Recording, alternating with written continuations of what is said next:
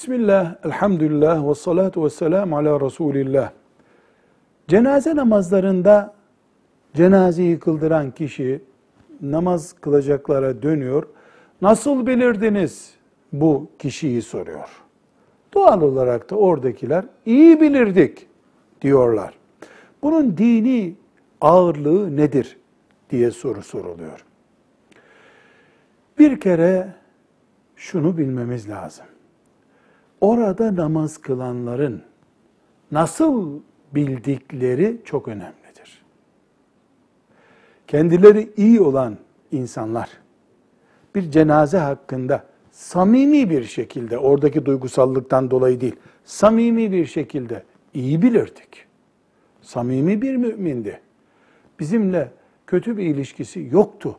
Zulmetmezdi.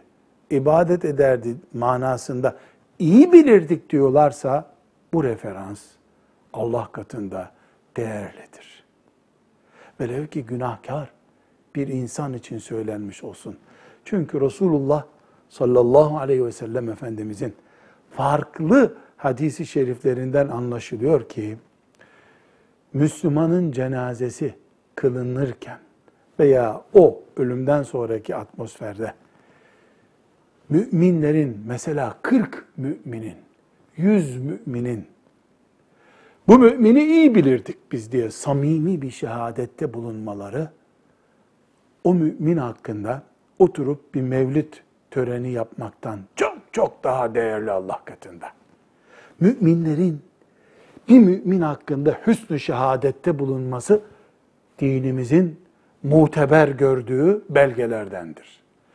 Bunu herkes orada iyi dediği için iyi demek, kötü desen başın belaya girer, bari ben de iyiyim demek şeklinde sulandırdığımız zaman bir kıymeti olmayacağı, adet olsun diye yapıldığı zaman faydası olmayacağı besbelli bir şey. Ama cenaze günü bu mümini iyi bilirdik sözü Allah katında değerlidir.